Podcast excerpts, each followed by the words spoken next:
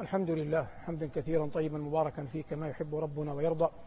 وأشهد أن لا إله إلا الله وحده لا شريك له شعار ودثار ولواء أهل التقوى. وأشهد أن سيدنا ونبينا محمدا عبده ورسوله بلغ عن الله رسالاته ونصح له في برياته فجزاه الله بأفضل ما جزى به نبيا عن أمته. صلى الله وملائكته والصالحون من خلقه عليه كما وحد الله وعرف به ودعا إليه. اللهم وعلى آله وأصحابه وعلى سائر من اقتفى أثره واتبع هديه بإحسان إلى يوم الدين. أما بعد فنستأنف في هذا اللقاء المبارك ما بدأناه من لقائنا مع القرآن وقد بينا أن كل لقاء يحمل عنوانا ولقاء هذا اليوم يحمل عنوان السفر في كتاب الله الكريم. والسفر هو السير في الأرض وقد يعبر عنه بالضرب. تقول ضربت في الأرض أي سافرت فيها. ومن الآيات التي جاء فيها ذكر السفر قول الله جل وعلا يا أيها الذين آمنوا كتب عليكم الصيام كما كتب على الذين من قبلكم لعلكم تتقون أياما معدودات فمن كان منكم مريضا أو على سفر فعدة من أيام أخر. ثم قال جل وعلا بعد ذلك شهر رمضان الذي أنزل فيه القرآن هدى للناس وبينات من الهدى والفرقان. فمن شهد منكم الشهر فليصمه ومن كان مريضا أو على سفر فعدة من أيام أخر. فنلحظ أن قوله جل وعلا ومن كان مريضا أو على سفر مر نظيره من قبل. فلماذا التكرار؟ وبيان هذا على وجه الإجمال لأن القضية قضية السفر لا قضية التفصيل في أحكام الصيام. في الأول كان الصيام على التخيير كان الصيام على على التخيير. في الثانية نسخ هذا التخيير بقول الله جل وعلا فمن شهد منكم الشهر فليصمه فقول الله فمن شهد منكم الشهر فليصم. نسخ الآية الأولى على الصحيح كاملة. فلم يب فأعاده لأن الأمر الأول قد قد نسخ فكرره لا من باب التكرار لكن لأن الأول قد نسخ لأن الصيام كان أياما معدودات أي أن الإنسان مخير. بدليل قول الله جل وعلا وأن تصوموا خير خير لكم. هذا ما يتعلق في أحكام الصيام في قول الله جل وعلا شهر رمضان الذي أنزل فيه القرآن. الحالة الثانية أو الآية الثانية التي ذكر فيها السفر قول الله جل وعلا وإذا ضربتم في الأرض فليس عليكم جناح أن تقصروا من الصلاة إن خفتم أن يفتنكم الذين كفروا. بينا معنى قول الله جل وعلا وإذا ضربتم في الأرض أي أي ماذا؟ سافرتم. وإذا ضربتم في الأرض فليس عليكم أي معشر المؤمنين جناح أن تقصروا من الصلاة. إن خفتم أن يفتنكم الذين كفروا. إن خفتم أن يفتنكم الذين كفروا الأصل أنه قيد. أنه ماذا؟ أنه قيد. قال يعلى بن أمية رحمه الله لعمر بن الخطاب رضي الله عنه وأرضاه ما بالنا نقصر الصلاة وقد أمن الناس. ما بالنا نقصر الصلاة وقد أمن الناس. والله جل وعلا يقول فليس عليكم جناح أن تقصروا من الصلاة إن خفتم أن يفتنكم الذين كفروا. فقال عمر تعجبت مما تعجبت منه. أي ما وقع في نفسك وقع في في نفسي. فسألت رسول الله صلى الله عليه وسلم فقال لي صدقة تصدق الله بها عليكم. صدقة تصدق الله بها عليكم. قبل أن نبين نأخذ مسألة أصولية. وهي مسألة أن هذا من الأدلة على ما يعرف عند الأصوليين بمفهوم المخالفة. مفهوم مفهوم ماذا؟ مفهوم المخالفة. لأن المعنى لو لم يقل يعلى بن أمية أنه سأل عمر وعمر سأل النبي صلى الله عليه وسلم والمعنى يصبح أن القصر لا يجوز إذا أمن الناس إلا إذا حالت هناك هناك خوف يعني تعجب عمر وتعجب يعلى في في مقامه. والأصل أن العمل يعمل بمفهوم المخالفة لكن لا بد من تحديد ضوابط. وأن يعرف أن المسكوت عنه إنما يريد نفي ما كان ما احترز عنه المنطوق. بمعنى أنه ثمة أحيانا يكون هناك تقييد لكن لا يراد به مفهوم المخالفة. هناك أحوال يكون هناك فيها تقييد لا يراد به مفهوم المخالفة. نحن جنحنا أصوليا لا بد الجمع ما بين العلم والوعظ. فنقول مثلا إذا كان هذا القيد جرى مجرى الغالب فالله جل وعلا يقول وربائبكم اللاتي في حجوركم. فالربيبة تصبح حراما سواء كانت في حجرك أو لم تكن في حجرك. أما قول الله جل وعلا وربائبكم التي في حجوركم هذا جرى مجرى ماذا؟ مجرى الغالب. مثل قول الله جل وعلا ولا تقتلوا أولادكم خشية إملاق فقوله جل وعلا خشية إملاق هذا جرى مجرى الغالب. يعني لا, لا, لا, لا تعني أنه يجوز أن أقتل ولدي بسبب آخر غير الفقر غير الإملاق. لا يجوز قتل الولد على كل حال. خشية إملاق أو غير خشية إملاق. لكنهم لما كان غالبهم يقتلون أولادهم خشية الفقر خشية الإملاق. جرت الآية مجرى ماذا؟ مجرى الغالب. أحيانا تأتي الآية مجرى المبالغة مجرى المبالغة. قال الله عز وجل إن تستغفر لهم سبعين مرة. ليس المقصود سبعين مرة. لو استغفرت إحدى وسبعين أو اثنان وسبعين غفرنا لهم لكن السبعين جرت مجرى المبالغة جرت مجرى المبالغة. أو أن يكون القيد يراد به الإخبار بواقع حال. الإخبار بواقع بواقع حال. قال الله جل وعلا ولا تأكلوا الربا أضعافا مضاعفة. لا تأكلوا الربا أضعافا مضاعفة. فأكلوا الربا أضعافا مضاعفة.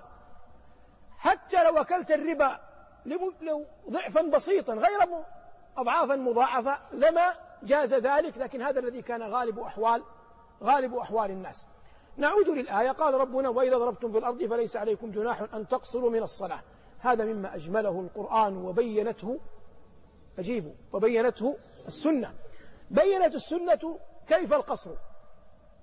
فحددت ثلاث فروض وأبقت على على اثنين. فلا قصر في المغرب ولا في ولا في الفجر وإنما القصر في الصلاة الرباعية. في الظهر والعصر والعشاء. تقصر إلى أي عدد؟ إلى إلى ركعتين. هل يجوز الإتمام في السفر أو لا بد من القصر؟ اختلف العلماء. مذهب الإمام مالك رحمه الله أنه لا بد من من القصر. والحجة عندهم حديث ابن عمر. قال صليت مع النبي صلى الله عليه وسلم وأبا بكر وأبي بكر وعمر وعثمان فلم يزيدوا في السفر في الصلاة على على ركعتين. لم يحفظ لم ينقل البتة. أن النبي صلى الله عليه وسلم أتم صلاة في سفر تم صلاة الرباعية فملازمته صلى الله عليه وسلم أقوى دليل للمالكية على أن صلاة السفر تكون ركعتين. وبعض أهل العلم يرى أنه لو صلاها أربعا جاز لكن الأكمل أن يصليها ركعتين. بقيت فيما لو اقتدى المأموم وهو مسافر بإمام متم وهذه تنازع الناس فيها. فبعض أهل العلم وعليه الفتوى في كثير من البلدان إلى أنه يتم الإمام يتم المأموم مع إمامه. لحديث ابن عباس قال بهذا مضت السنة. وبعض أهل العلم يرى أن هذا الأثر عن ابن عباس فيه نظر فيه نظر في متنه. لأن ابن عباس رضي الله عنه قال لما قيل له ما بال المسافر إذا صلى وراء مقيم يتم قال بذا مضت السنة. ونحن قلنا قبل قليل إن النبي عليه الصلاة والسلام لم يحفظ عنه أبدا أنه صلى أربع ركعات في في السفر. واضح المراد؟ فلا يمكن يحتج بسنته صلى الله عليه وسلم وقد ثبت يقينا أنه لا أحد أن أحدا لم ينقل أن النبي عليه الصلاة والسلام بدليل أنه عليه الصلاة والسلام لم يصلي وراء أحد في السفر.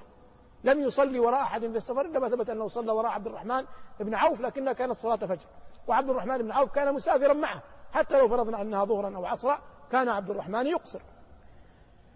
وأيا كان الأمر هذه حجة من قال بالإتمام وبعض أهل العلم يرى أنه يصلي ركعتين وينتظر إمامه. ويقول إن هذا المسافر لم يكلفه الله بأكثر من ركعتين فلا مجال لأن نكلفه وأحب إلي والعلم عند الله. أن الإنسان إذا دخل مع تكبيرة الإحرام أن يتم الصلاة.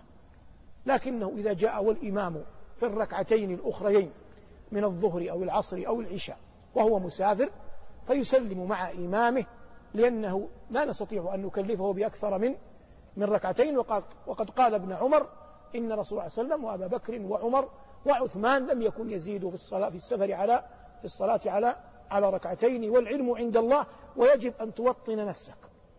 وهذا مهم. أن الفقه أكثره خلاف. أن الفقه أكثره خلاف. وهذا يجعلك تعلم أن الأئمة الأربعة رحمة الله تعالى عليهم بذلوا ما في وسعهم.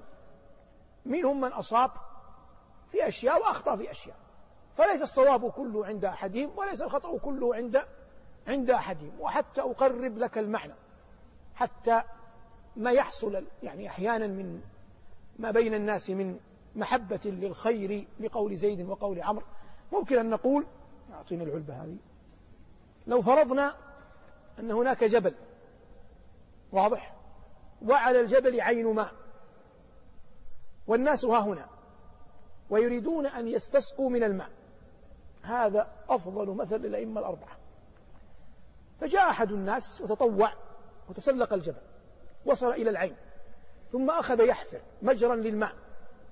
فنزل الماء من الجبل مع شعاب صنعها حتى وصل إلى الناس أخذوا يشربون. جاء رجل آخر يملك من القوة من القدرة مثل ما يملك هذا. فارتقى الجبل قال بدل أن يزدحموا الناس على واحد صنع لهم.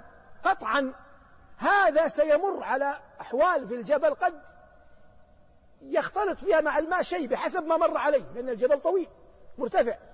كذلك الآخر قد يمر على أرض حسنة أرض سيئة كذلك الماء.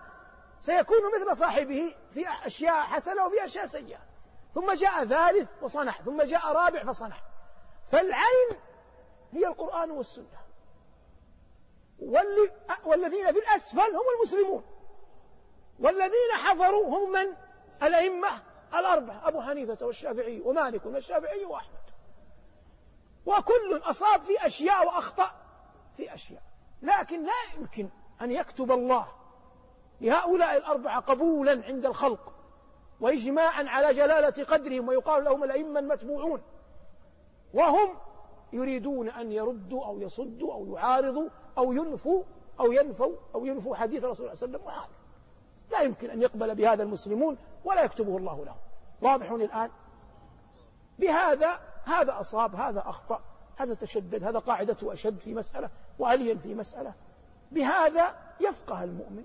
أنت كمسلم تنظر في نفسك. إن كنت مقلدا فتبرأ ذمتك ذمتك. إن قلدت من غلب على ظنك أنه أهل للفتوى. لكن لا ينبغي للمقلد أن ينكر على مجتهد. هذا قلب بالموازين ولم يكن أبدا من سنن المسلمين.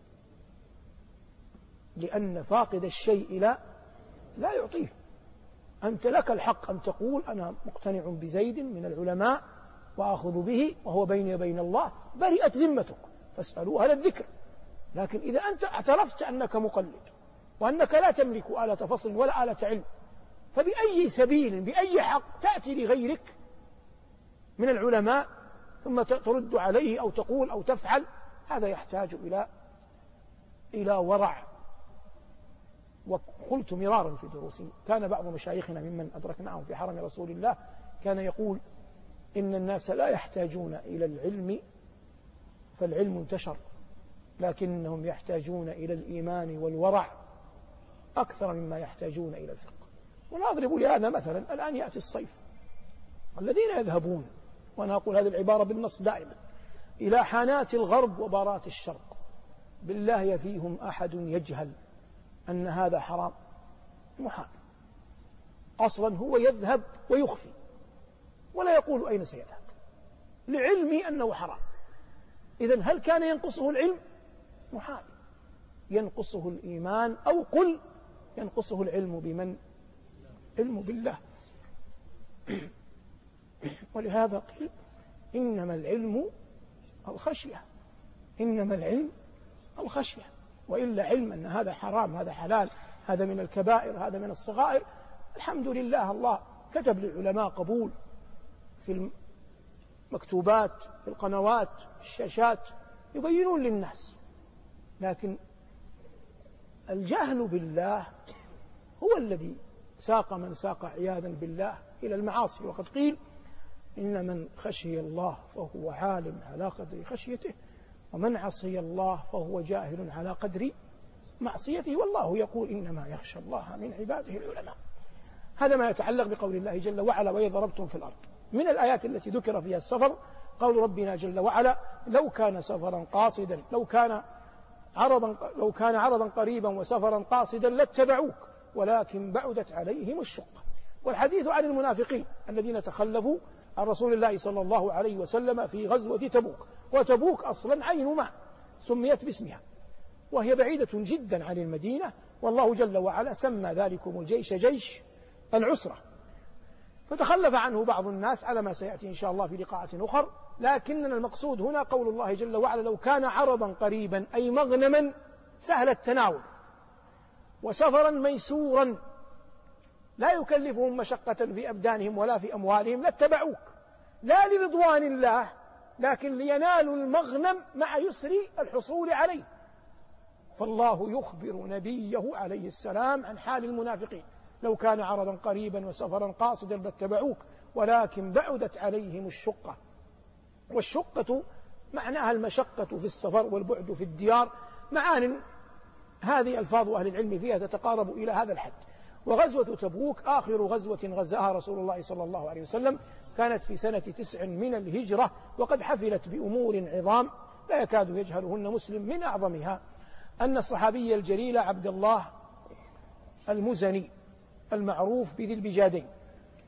والبجاد كساء. غليظ كان يلبسه خرج من أرض قومه منعوه أولا من الهجرة ثم خرج ولا يملك إلا كساء قسمه قسمين جعل أحدهما إزارا واشتمل بالآخر دخل على النبي صلى الله عليه وسلم أسلم وغزا معه في تبوك قال عبد الله بن مسعود رضي الله تعالى عنه وأرضاه قمت في جوف الليل في غزوة تبوك فإذا نار في ناحية العسكر فتبعتها.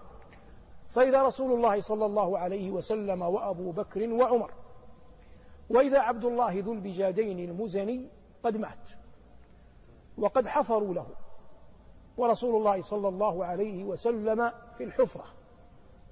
وهو يقول لأبي بكر وعمر أدليا إلي أخاكما. فأدلياه.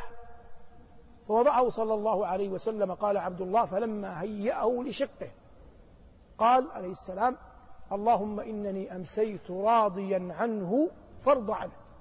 اللهم إنني أمسيت راضيا عنه فارض عنه. قال عبد الله بن مسعود يا ليتني كنت صاحب الحفرة وإنني والله أسلمت قبله بعشر سنين. بما نحن عندما نقول مع القرآن نريد أن نفقه كلام ربنا لا يهمك أن تزيد ثقافتك المهم أن يزيد أجرك وإيمانك ويقينك. الذي يهمنا نسأل أنفسنا لم نال عبد الله هذه المنزلة؟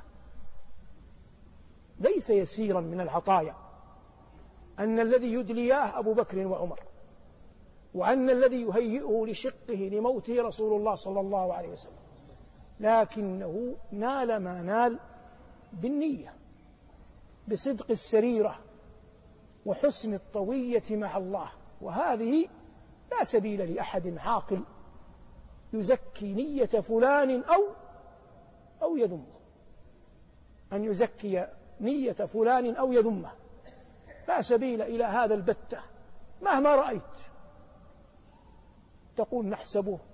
ولا تثني عليه أمامه أمامه. السرائر أمرها إلى الله. لكن العاقل حسيب نفسه. وهو أدرى بسريرته. فهذا الصحابي الجليل هاجر إلى المدينة ولم يكتب الله له أن يقبر فيها. فقبر بعيدا عنها لكنه قبر ورسول الله صلى الله عليه وسلم ينزل حفرته رضي الله عنه وأرضاه ويقول والناس يسمعون اللهم إنني أمسيت راضيا عنه فرض عنه. يقول ابن رجب إن لم يكن لديك قدرة على أن تنافس الأخيار في أعمالهم الصالحة فنافس المذنبين في استغفارهم. فنافس المذنبين في استغفارهم اللهم إنا نستغفرك ونتوب إليك. صلى الله على محمد وآله والحمد لله رب العالمين.